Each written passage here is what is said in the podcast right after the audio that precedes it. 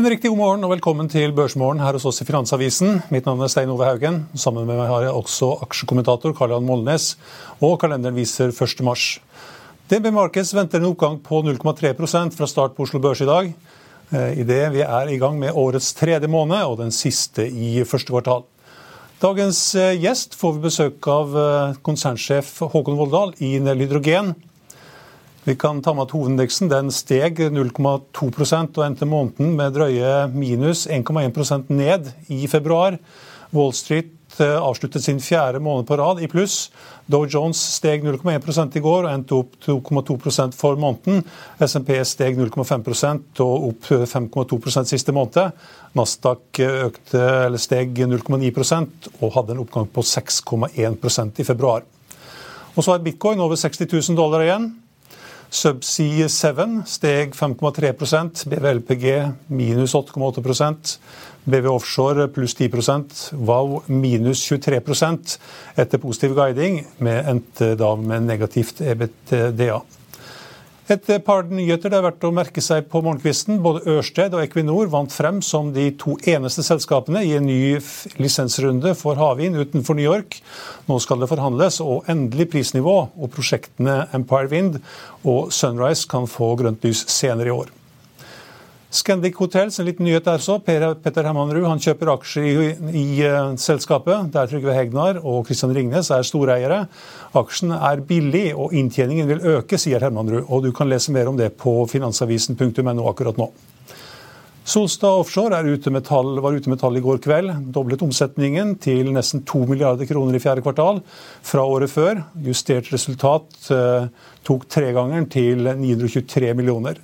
Den mye omtalte restruktureringen ble gjennomført 16.1. Finansdirektør Pål Hildemo har besluttet å forlate Hydro for å bli finansdirektør i Emirates Global Aluminium. Hildemo vil fortsette i Hydro til senest 31.8. Kan vi også ta med at uh, sentralbanksjefen i Sveits også melder at han eh, går av. Han skal sitte til september. Ja, Det var en god dag på børsene i eh, New York, eh, Karl Johan, men eh, det er en banktrøbbel òg? Ja, det kom jo etter børs. da. Og det var New York Community Bank falt med 23% etter børs. Selskapet meldte at de må utsette kvartalsrapporteringen, og kom med en rapport om at konsernsjefen hadde egentlig gått av for en uke siden. Og de har satt inn en ny, satt inn en ny sjef som kommer fra et, en oppkjøpt bank, Flagstar, i, i Troy i Michigan og, og, eh, New York Community Bank kommer jo fra Long Island, Oyster Bay-området, Hicksville. Eh, veldig fasjonabel inn mot eh, Long Island-sundet. Men eh, dette er jo også en bank som var med på å redde Signature Bank, en av kryptobankene i USA. og eh, det vil ikke overraske meg om det at det forsvinner 10% av innskuddene forsvinner i løpet av dagen i dag. og Da vil banken kunne bli overtatt av FDIC. altså De kommer inn på typisk kommer de inn på fredag klokken fem. og Da sier de at nå da er kapitalen tapt. dette får dere ikke lov til å drive på med noe mer. Eh, fordi at eh, det her er det for mye rot. og Selskapet sjøl melder at det er problem med internkontrollen i banken. Da. Det er det som er, og De tar en nedskriving på 2,4 milliarder dollar. Men eh, sannhetsserum her er om innskuddene forsvinner. Dette sitter da det som er liksom eh, ja, FDIC sier, det sitter og overvåker innskuddene i alle banker. og Faller det med mer enn 10% så går det inn automatisk. For, det, for da du kan risikere for et rønn på bankene som smitter over. Så den, denne her må vi følge med på i løpet av dagen, hva som skjer. Men ellers så kom det en stor blokk med aksjer for salg i Nvidia på 7 milliarder dollar rett før stengetid eh, i går. og Det gjorde at børsen falt med 0,3% siste minuttet i år. Et av de største fall de siste minuttene som har vært i historien i USA.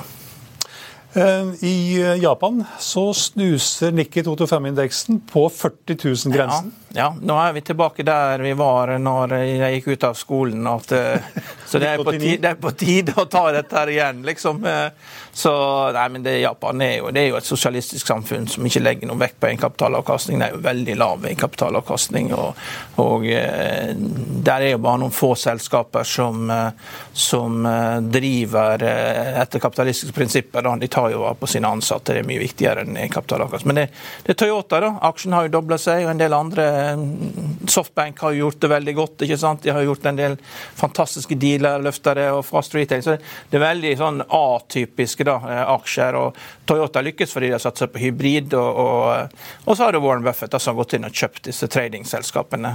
og ja, det er, Japansk kultur vil ikke endre seg til å bli kapitalistisk over natten, så jeg, jeg tror ikke det er noen sånn langsiktig investering som må være. Det er en god trade, og den fungert bra på, på, på kort sikt, men det, det, er ikke noe sted å være for å få god egenkapitalavkastning. Hvis du vil ha god egenkapitalavkastning med rå kapitalister, så må du investere i norske sparebanker. De er noen av de råeste kapitalistene som finnes. De setter avkastning foran alt. Og I går så vi at det er noen som driver og leker seg med SAS-aksjen fremdeles. Ja, det er jo helt crazy. ikke sant? Og Det viser jo hvilken tid vi er inne i. da. Liksom det går, En aksje går med 125% en aksje som er null verdt. Og skal nulles. Og skal nulles, og alle vet den skal nulles. så det er, det er, jo den tiden vi er. Sånn blow off top, at man, man, kjører ting til himmels fordi det er gøy. og, og eh, her er det klart, her er det aksjeroboter. og det er, Dette er jo, dette er jo hva skal jeg si, det, vakuumtradernes drømmecase. da. Alle vet det er null verdt, og likevel så går det til himmels. Og så går det ikke an å regne på noen ting? jo, det går an å regne på det. det. Det, er jo null verdt. Det er akkurat som bitcoin. Til slutt så er det null verdt. ja, bitcoin er passert 60 000 dollar. Ja, det det er prisen du betaler, men det er ikke kvaliteten du får. Det er null verdt.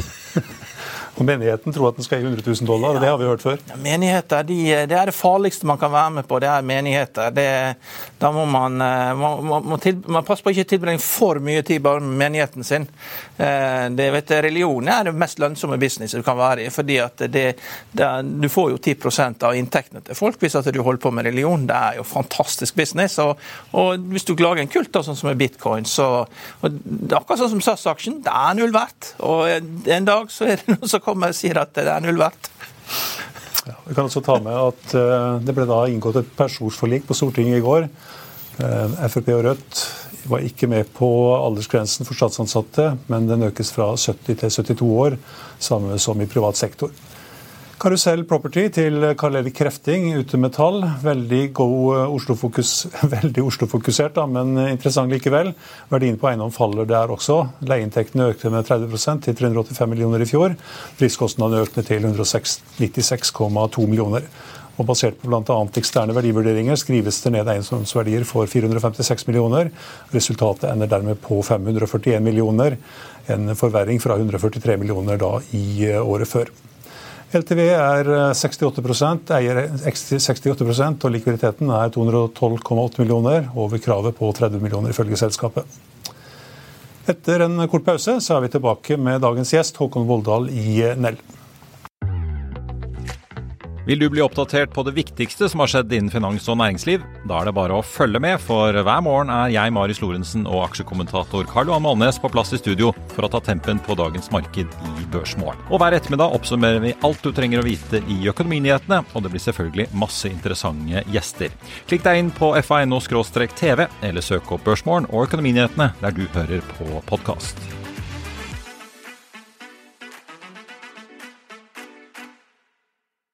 I'll see you in court. Vi sier det ofte litt på spøk, men for deg som driver business, er det aldri moro å innse at du ikke har laget en 100% gyldig kontrakt.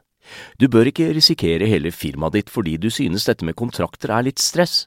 En avtale er ikke en avtale. Du kan miste kunder, miste venner, ja, til og med miste inntekter om du ikke lager en skikkelig kontrakt, på alt mulig, egentlig. Men vi vet det er et styr kopimaskiner, tregprinter og haugevis av papir. Dessuten stoler vi jo på folk her i landet. Det er ofte litt kleint å skulle be om en signatur for alt mulig, ja, for mye av styret handler også om jakten på underskriften. Det finnes en enkel måte å løse dette på, Dukkobit, en trygg, effektiv og get this, gratis måte å sikre seg en god natts søvn pluss en juridisk bindende avtale. Dukkobit-appen har de strengeste sikkerhetskrav i bunn, samt en EU-godkjent og sertifisert teknologi. Framover vil det bli behagelig å spørre du, skal vi skrive under på det, eller? Kom i gang på dukkobit.no. Ja, da skal vi til dagens gjest, som denne uken slapp kvartalstall og nyheter som satte fyr i aksjen, inkludert den første store struktureringen i eh, selskapet under hans ledelse. Nemlig ønsket om å spinne ut fyllestasjonen. Håkon Voldal, konsernsjef i Nell, velkommen til oss. Takk for det. Er det en triviell sak og enkelt å dele opp selskapet i to? Teknisk sett ja, når du deler det ut til eh, dagens aksjonærer. Juridisk sett, da? Ja, det er eh, fullt mulig. Men, men, kommer dere til å eie en tredjedel av selskapet for å sikre et visst anker i dette her, og, eh, når det skiller ut, eller har dere tenkt å bare dele ut aksjene?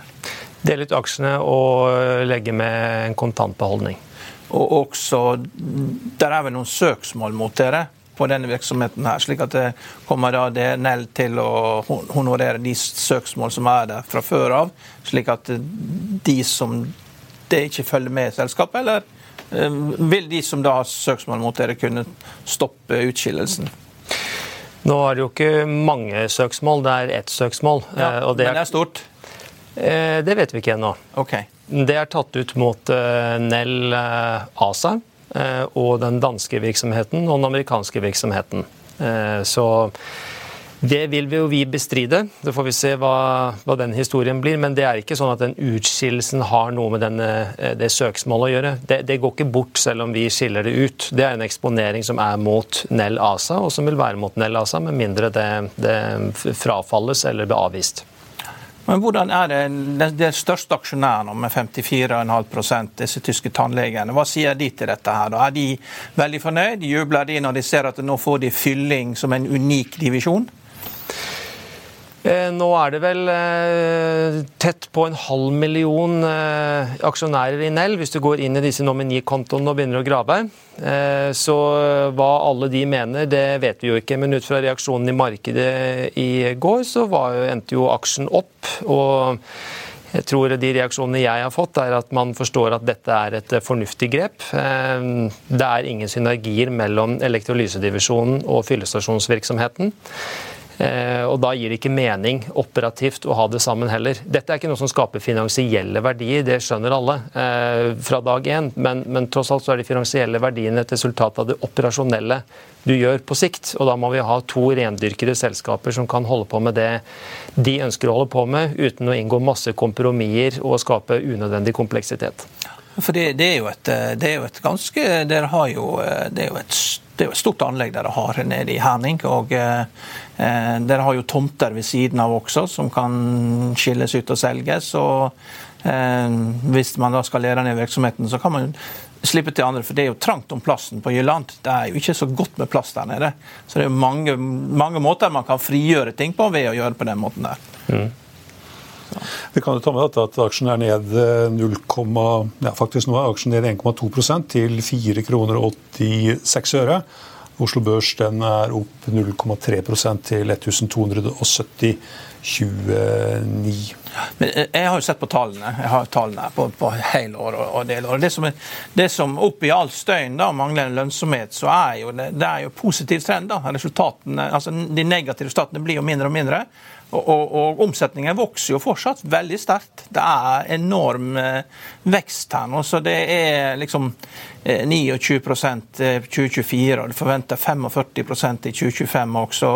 Og underskuddene, da, som eh, ja, ligger på tett oppunder 600 millioner for 2023 og også 2024. Jeg forventer det til 400 millioner i 2025.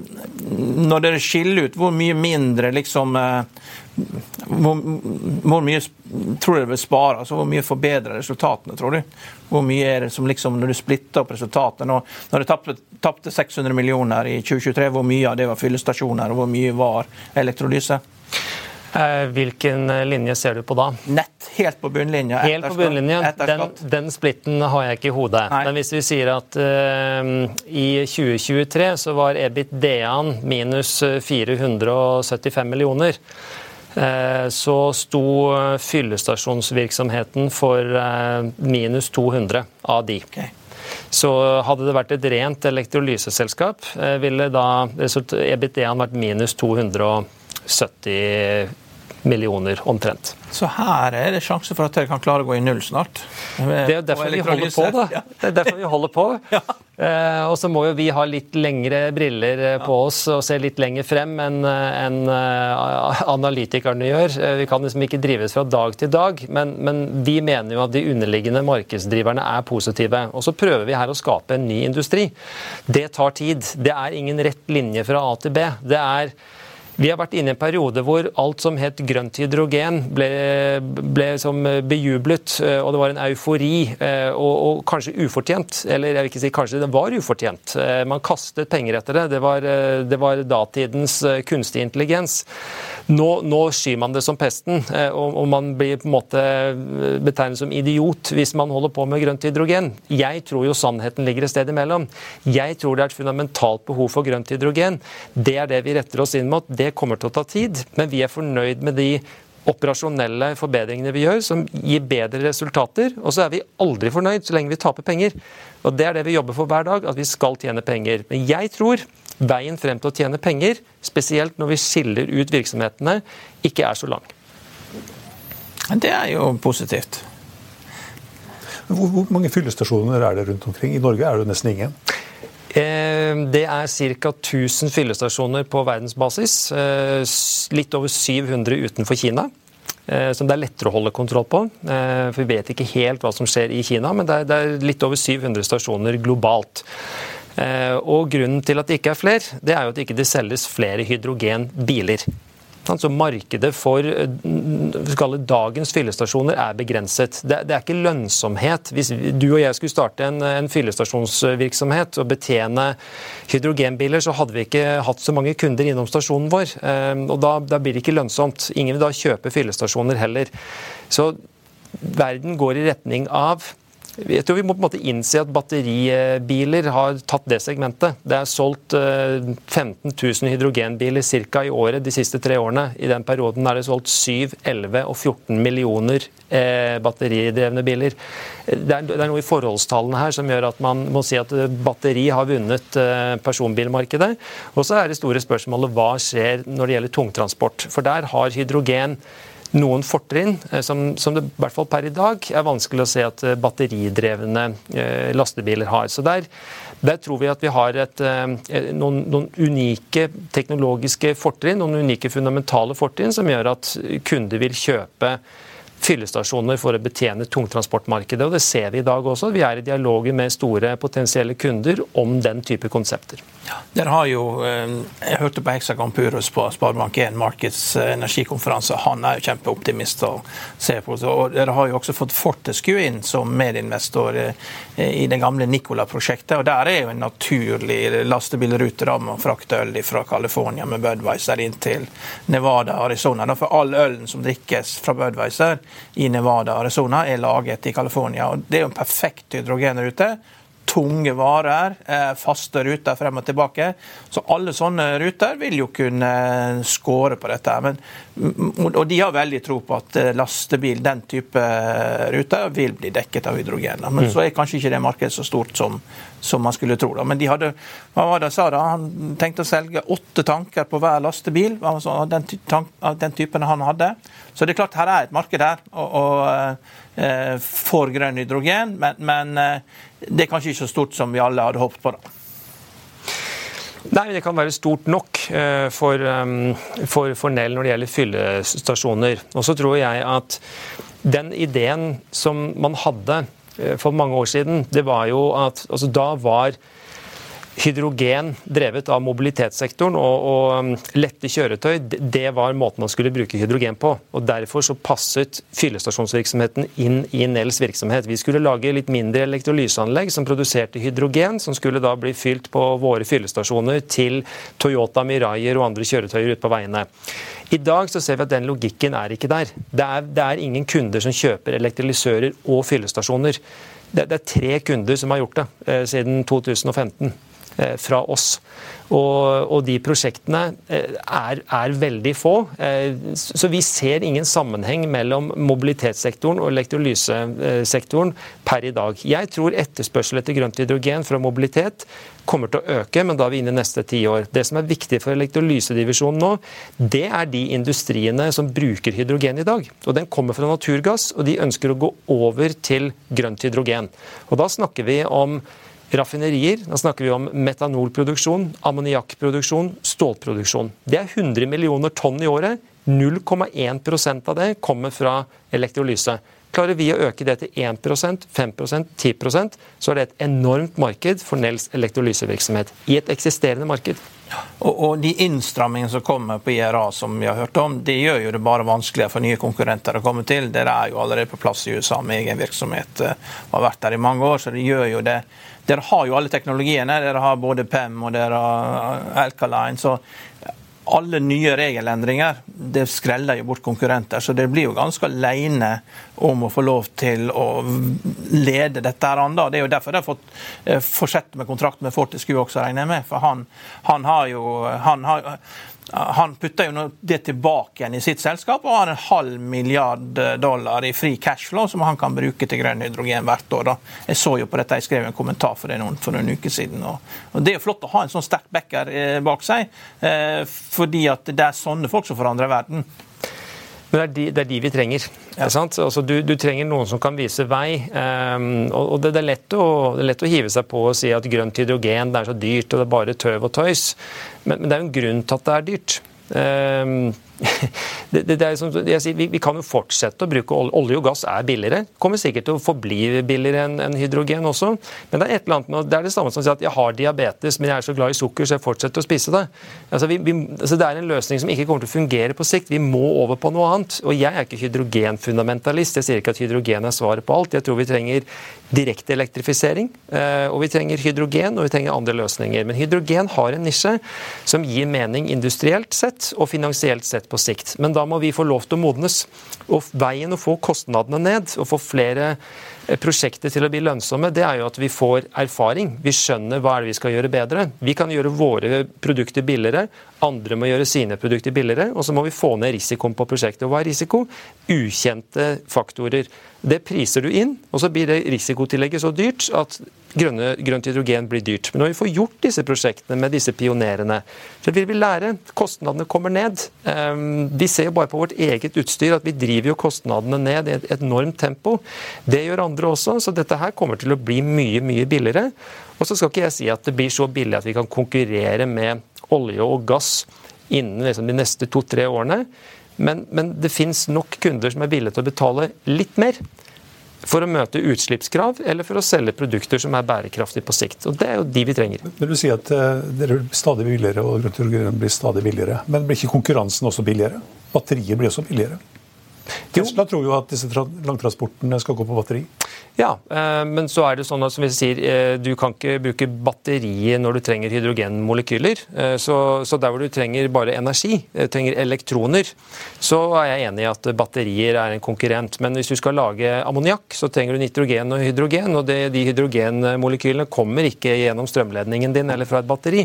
Så det er ikke noe konkurrent. Akkurat på transport så er jeg enig. Der er det et slag mellom batteriteknologi og hydrogenteknologi. Og så tenker jeg jeg tror det finnes applikasjoner hvor det er smart å ha en batteridrevet eh, lastebil. Og så tenker jeg at det er applikasjoner hvor det er smart å ha en hydrogendrevet lastebil. Eh, på samme måte som det finnes noen ulike bilmerker, og, og det finnes SUV-er og sedaner og stasjonsvogner. Det er ulike behov, så jeg tenker at vi kan koeksistere i det markedet. Det tenker være enten Potetchipsen er lett, den kan du frakte med batteribiler. Men ølen den må du hente med hydrogen, for den er tung. Så da, det blir fest uansett. Men eh, man, eh, Trevor Milton han hadde jo veldig mange ideer. og En av ideene Jeg hørte på mange podkast som han hadde med amerikanske ble intervjuet av mange og en, på en av dem, Jeg husker ikke hvem som intervjuet han, så hadde han, snakket han om at han skulle tappe liksom surplus power da, om natten. Liksom når det ikke var bruk for strømmen, den skulle han hente ut. da. Men så er det at man må jo ha konstant tilførsel av energi. Er, det noen sånn, er disse betraktningene fortsatt gjeldende? At man kan hente surplus power, eh, som er overskuddskraft? Å bruke det? Er det en del av forretningsstrategien? For ellers er jo grønn, grønn, altså, grønn energi er jo veldig dyr. Det har jo Rex Silicon merka oppe, eh, oppe, i eh, Montana. og sånt, det, er, det er kamp om den. men den ideen som Milton hadde, eksisterer den? At du kan få ut den gratis strømmen om natten? Ja, eh, svaret på det er ja. Men da snakker vi ikke generelt sett. Da snakker vi om eh, noen utvalgte steder. Det er veldig lokalt. Så det finnes regioner. For i USA så er det dårlig strømoverføringsnett. Eh, det har vi jo i og for seg i Norge også. Det ser vi jo på prisforskjellen mellom, mellom strømsonene her. Men, men, USA er mye verre. Der er det altså overskudd på vindkraft som du ikke klarer å bruke til noe som helst. Så den blir bare borte. Det er klart, Hvis du kan ta den lage hydrogen, og så frigjøre hydrogenen når du trenger strømmen igjen, så er det bedre enn å kaste bort strømmen. Så, så der finnes en mulighet, for Det er jo flere business case som baserer seg på at du skal ta denne kjempebillige strømmen og selge den tilbake igjen. Eh, i form av hydrogen når, når prisen er høyere. Så, så, ja, det finnes en rekke eh, prosjekter rundt omkring i verden som utnytter at det finnes overskuddsenergi lokalt til å gjøre hydrogen business case bedre. Men vil ikke altså, Electric Utilities er jo under enormt press i USA. Det er pga. at både i California og Hawaii og Nå så jeg i går Excel Energy Action stupte i, i, Texas fordi de er mistenkt for å ha eh, skape, skape branner der også. De vil jo være interessert i å skape stabilitet i nettet. og Hvorfor er ikke de med å investere mer i hydrogen, hvis dette er en, dette er en forretningsmulighet for de som skaper positivitet? Hvorfor gjør de ikke det? Er det for dyrt? De ser jo på det, men, eh, men jeg tror eh, da snakker vi om en skala som, eh, som, frem til nå har gjort at man tenker at det ligger litt lenger frem i tid. Hele California har jo egentlig overskudd på fornybar kraft, men du klarer ikke å levere nok i visse perioder. Så du har perioder hvor du har en eh, knapphet på det, og så har du perioder hvor du har for mye. I snitt, altså totalt sett, så har du for mye, men du klarer ikke å distribuere det ut.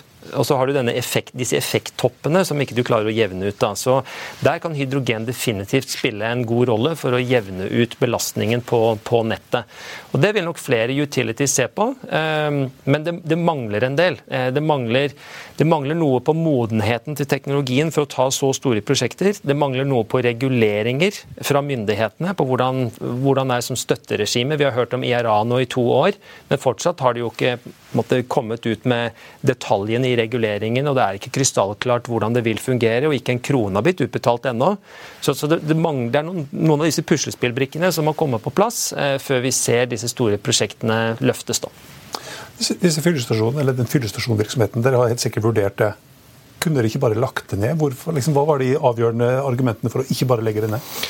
Godt spørsmål, og ja, det har vi vurdert. Eh, hvis vi hadde slengt nøklene på bordet og sagt at dette, dette vil vi ikke mer, eh, så hadde kanskje det vært det billigste på kort sikt. Men vi har jo noen kontraktuelle forpliktelser mot kunder Eh, som det er vanskelig å komme ut av. Det er det ene. Det andre er at når du slår et selskap konkurs um, og oppfører deg i og for seg uredelig på den, eh, på den måten, da, så, så, vil du få noen krav om å stille bankgarantier på alt annet du gjør i fremtiden. Så det har en negativ smitteeffekt på elektrolysedivisjonen som vi anså som ganske stor.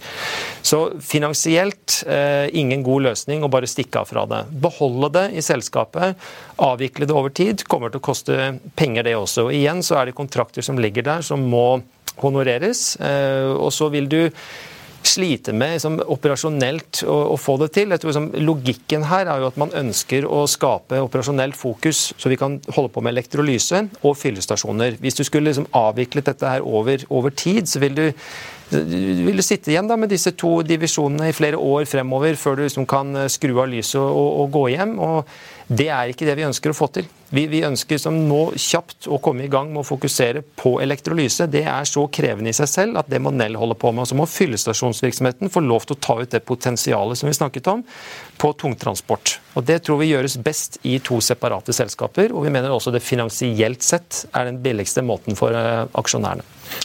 Hvor vil kapitalbehovet være størst? I eh, elektrolysedivisjonen eller i Elektrolysedivisjon. Ja. Men Betyr dette her at dere bare fokuserer på alkaline-teknologien, at PEM-teknologien blir nedprioritert fordi at eh, alkaline er den som passer best for store elektrolyseprosjekter? Nei. Um vi, vi, går for begge plattformene. Eh, vi har, jo, eh, vi har jo to produkter som du sier i dag. Vi har en PEM-produkt og et Alkalis-produkt. og de, de, begynner å nærme seg slutten på, på sin, det vi kaller en S-kurve. Det som Du har begynt å ta ut potensialet som ligger i den teknologien, eh, på et sånt nivå at, at du, du må over på en neste generasjon. Dagens alkaline-teknologi er billigere og mer effektiv enn PEM-teknologien. PEM-teknologiens forsprang er at den tåler mye bedre å bli kjørt opp og ned. Så der du har koblet til f.eks. en solpark eller en vindpark som ikke leverer jevn strøm, så responderer PEM-teknologien mye bedre enn en alkalisk. Så det er som fordelen til PEM. Eh, så Der du er off-grid, så er PEM ofte en god løsning. Og der du er koblet til et nett, så er alkalisk en god løsning. Og så har begge disse to plattformene eh, muligheter for å, for å, komme ut med et design som er vesentlig billigere, og som bruker vesentlig mindre strøm. Og Det jobber vi jo med på, på, på PEM-siden med General Motors. Og tar fram et fantastisk produkt som kommer til å koste en brøkdel av, av dagens produkt og bruke mye mindre strøm. Og så tar vi i egen regi fram en trykksatt alkalisk løsning. Så kan man si hvorfor gjør dere begge deler? Det er fordi at det er usikkerhet på begge plattformer. Eh, på PEM-siden har du tilgang til iridium, det er en knapp ressurs. Hva skjer hvis du ikke får tak i iridium? Da må kunne selge noe annet. Så det er en hedging å gå for begge to plattformene. Men de kommer etter hvert til å komme på et helt annet nivå, både Capex-messig og Opex-messig for kundene våre. Og Det er det som er spennende. Og klart, Det kommer til å kreve kapital, det kommer til å kreve fokus. Da blir ikke vi verdens beste eier av fyllestasjonsvirksomheten når vi skal gjøre alt dette på elektrolysesiden. DNB og Sparebanken eh, Markets er jo kritisk til her. Og de tror at dette er ved skade aksjonærverdiene. Er de, hvor er det de tar feil? De, de, betjener jo shortmarkedet. Eh, de er jo retter seg mot de som, eh, som eh, syns at Nell er en dum investeringscase. og De leter jo med lys og lykt etter alt som kan kritiseres. og Det må på en måte vi respektere. men men, men, jeg er jo uenig i de konklusjonene. Altså Hvis jeg skulle hørt på Sparebank1 Markets og DNB, så burde vi jo bare lukket butikken og så delt ut cashen til aksjonærene og gått hjem og funnet på noe annet. Men vi ønsker jo å skape en ny industri, og vi mener vi er posisjonert for å få det til. Og så får vi akseptere at ikke alle har troen på oss, men det er ikke DNB og Sparebank1 Markets jeg leser for å kjenne at liksom nå, nå, skal jeg dra på jobb og, og endre verden. Det, det, er det ikke. Hvor lenge kan dere drive med den cashbeholdningen dere har? Ja, Hvis du ser på den eh, burn-raten vi har hatt nå eh, siste, eh, siste året, så vil vi jo egentlig ha tre år til. Og så tenker jeg at eh, det er fantastisk. Det er jo, må jo være det hydrogenselskapet i verden som er ett av de som er best kapitalisert. Og Grunnen til at vi har den cashbasen, er at vi hentet penger når vi kunne, ikke når vi måtte, men når vi kunne, for en periode som er litt tøff. Og Nå er vi inne i en periode som er litt tøff. Da har vi den cashbeholdningen. Den skal vi forvalte på en god måte.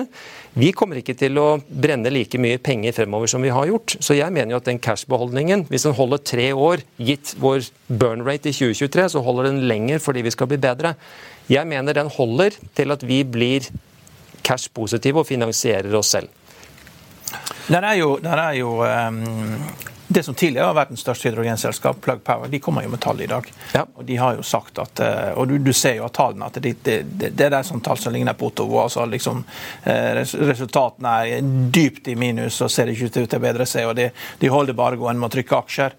Eh, og Det er jo fordi de har en sånn gaffeltruck-modell, Gendrive etter systemet. Og, og, de klarer da ikke å gjøre dette her lønnsomt nok. Da. Jeg vet ikke hvilke avtaler de har med disse store distributørene som Home Depot og Walmart. og disse her, Men det er jo tydelig at de har en avtale som gjør at eh, de betaler, får samme betaling som de hadde et, et annet system. Derfor det, det, det, skal ikke være mulig å gå med underskudd med dette her, hvis ikke det du har en veldig rasforretning. Så det er en aksjetrykkingsselskap. Så hvis Plug Power nå kommer ut i dag og sier at her, her er det fortsatt problemer, hvis de blir borte, hvordan påvirker det dere som hydrogenselskap i USA? For Dette er et selskap alle har sett opp til i 25 år. og, og, og Higher for longer det gjør det ikke bedre for de som skal få tak i penger. Hva vil endre seg hvis Plug Power nå sier ok, nå er det nok, liksom, nå får ikke vi tak i mer penger til å holde på med den forretningsmodellen? Eh, det, det, det, betyr jo at en av våre eh, typiske konkurrenter vil falle bort, og at de kundene trenger å kjøpe elektrolysører fra andre selskaper som type Nell. Så, frigjør det grønn energi som dere kan bruke? Frigjør det elektrisitet som dere kan bruke? Ikke hvis, jeg kjenner ikke porteføljen deres eh, godt nok. fordi Det som er litt utfordrende med Plug, er at de driver med så mye. Altså de, de, lager elektrolysører, de lager brenselceller, de lager eh, eh, flytende hydrogen, de lager egne produksjonsanlegg for hydrogen. Altså de er gjennom hele verdikjeden, både som teknologileverandør og operatør. Så, så, hva som på en måte tilhører de ulike delene, kjenner jeg ikke godt nok til. Men det vil jo være kunder som har inngått avtale med Plug hvor de ikke vil få utstyr da, hvis de kommer til å slite. og Da kan de kjøpe det utstyret fra Nell istedenfor. Det er jo eh, det ene positive for oss med det. Det, det. det, andre positive er jo at det er jo en grunn til at man taper så mye penger. Og det er at Man setter jo priser i markedet som kanskje ikke er så bærekraftig. Så det skaper jo et mindre liksom, press på prisene, kanskje får fornuftig prisnivå på en del, eh, del, prosjekter. Og så vil jeg jo si at det er jo ikke nødvendigvis positivt for industrien at eh, hydrogenselskaper mislykkes og, og går konkurs. Det får jo en smitteeffekt på, på andre aktører. Så det er plusser og minuser eh, ved det, men, men jeg vil jo si Nell har jo en helt annen tilnærming til markedet enn det Plug har. Hvor, der hvor Plug prøver å gjøre alt og ha en integrert modell, en, en one stop shop solution, så er jo vi mer og mer spesialiserte inn mot det vi mener vi er gode til. Så det er jo to forskjellige filosofier her, da. Tusen takk for at du kunne være med oss, eh, Håkon. Takk for at du fikk komme. Så skal vi følge med på hvordan det går med Vi kunne sittet her lenge og prata, vi. ser jo at Et annet hydrogenselskap, Hynion, er ned 20% på Oslo Børs nå. Ja, Det er jo fyllestasjon her, er ikke det? Ja, Er ikke det det? Ja. Er, er, det i Norge eller Sverige Hynion er? Hyon og Hynion. Hynion er Sverige, det? Hyon er Norge. Hyon er Norge, Hynion er Sverige, ok. Hy, hynion. Hynion ja, ja. ned 19,7 Skulle vi bare ta et par ord om Atlantic Sapphire, som gjennomkjørte den store misjonen i Ja, 350 millioner kroner. Det er jo de samme aksjonærene som eh, eh, har deltatt i redningsoperasjoner før. Det betyr jo at de har fortsatt tro på dette. her. Og folk som stiller opp med egne penger, og så mye penger som dette her, det kan ikke bare være at det er kult å reise til Miami noen ganger i året når de kommer med så mye penger. Så det må jo være et eller annet de ser i dette. Hope in hanging snore, er ikke det man sier? Petter Solberg? ja, det var vel eh, Nils Arne Eggen. Det var Nils Arne Eggen, ja. ja, ser også at uh, Norcod har henta 170 mil til en kurs på 12 kroner, og får inn uh, ny kanadisk investor. Frossenfiltselskapet Highliner Foods, børsnotert i Canada, Ostrop opp 52,5 millioner kroner i emisjonen og sikrer 10 av selskapet. Og sjefen sjøl, Paul Juver, han vil inn i styret i eh, Norcod. Du må temme torsken. vet du. Den er så aggressiv. Den er som en kannibal. De spiser jo hverandre. vet du. Så må liksom, Du må liksom gå gjennom ulike genfaser. Til slutt så mister han skjegget, og da er han helt tam. vet du. og det var børsmålen her på Finansavisen Finansavisen 1.3. Siste nytt får du på finansavisen.no gjennom dagen og helgen, selvfølgelig. Ha en riktig god helg, og takk for nå.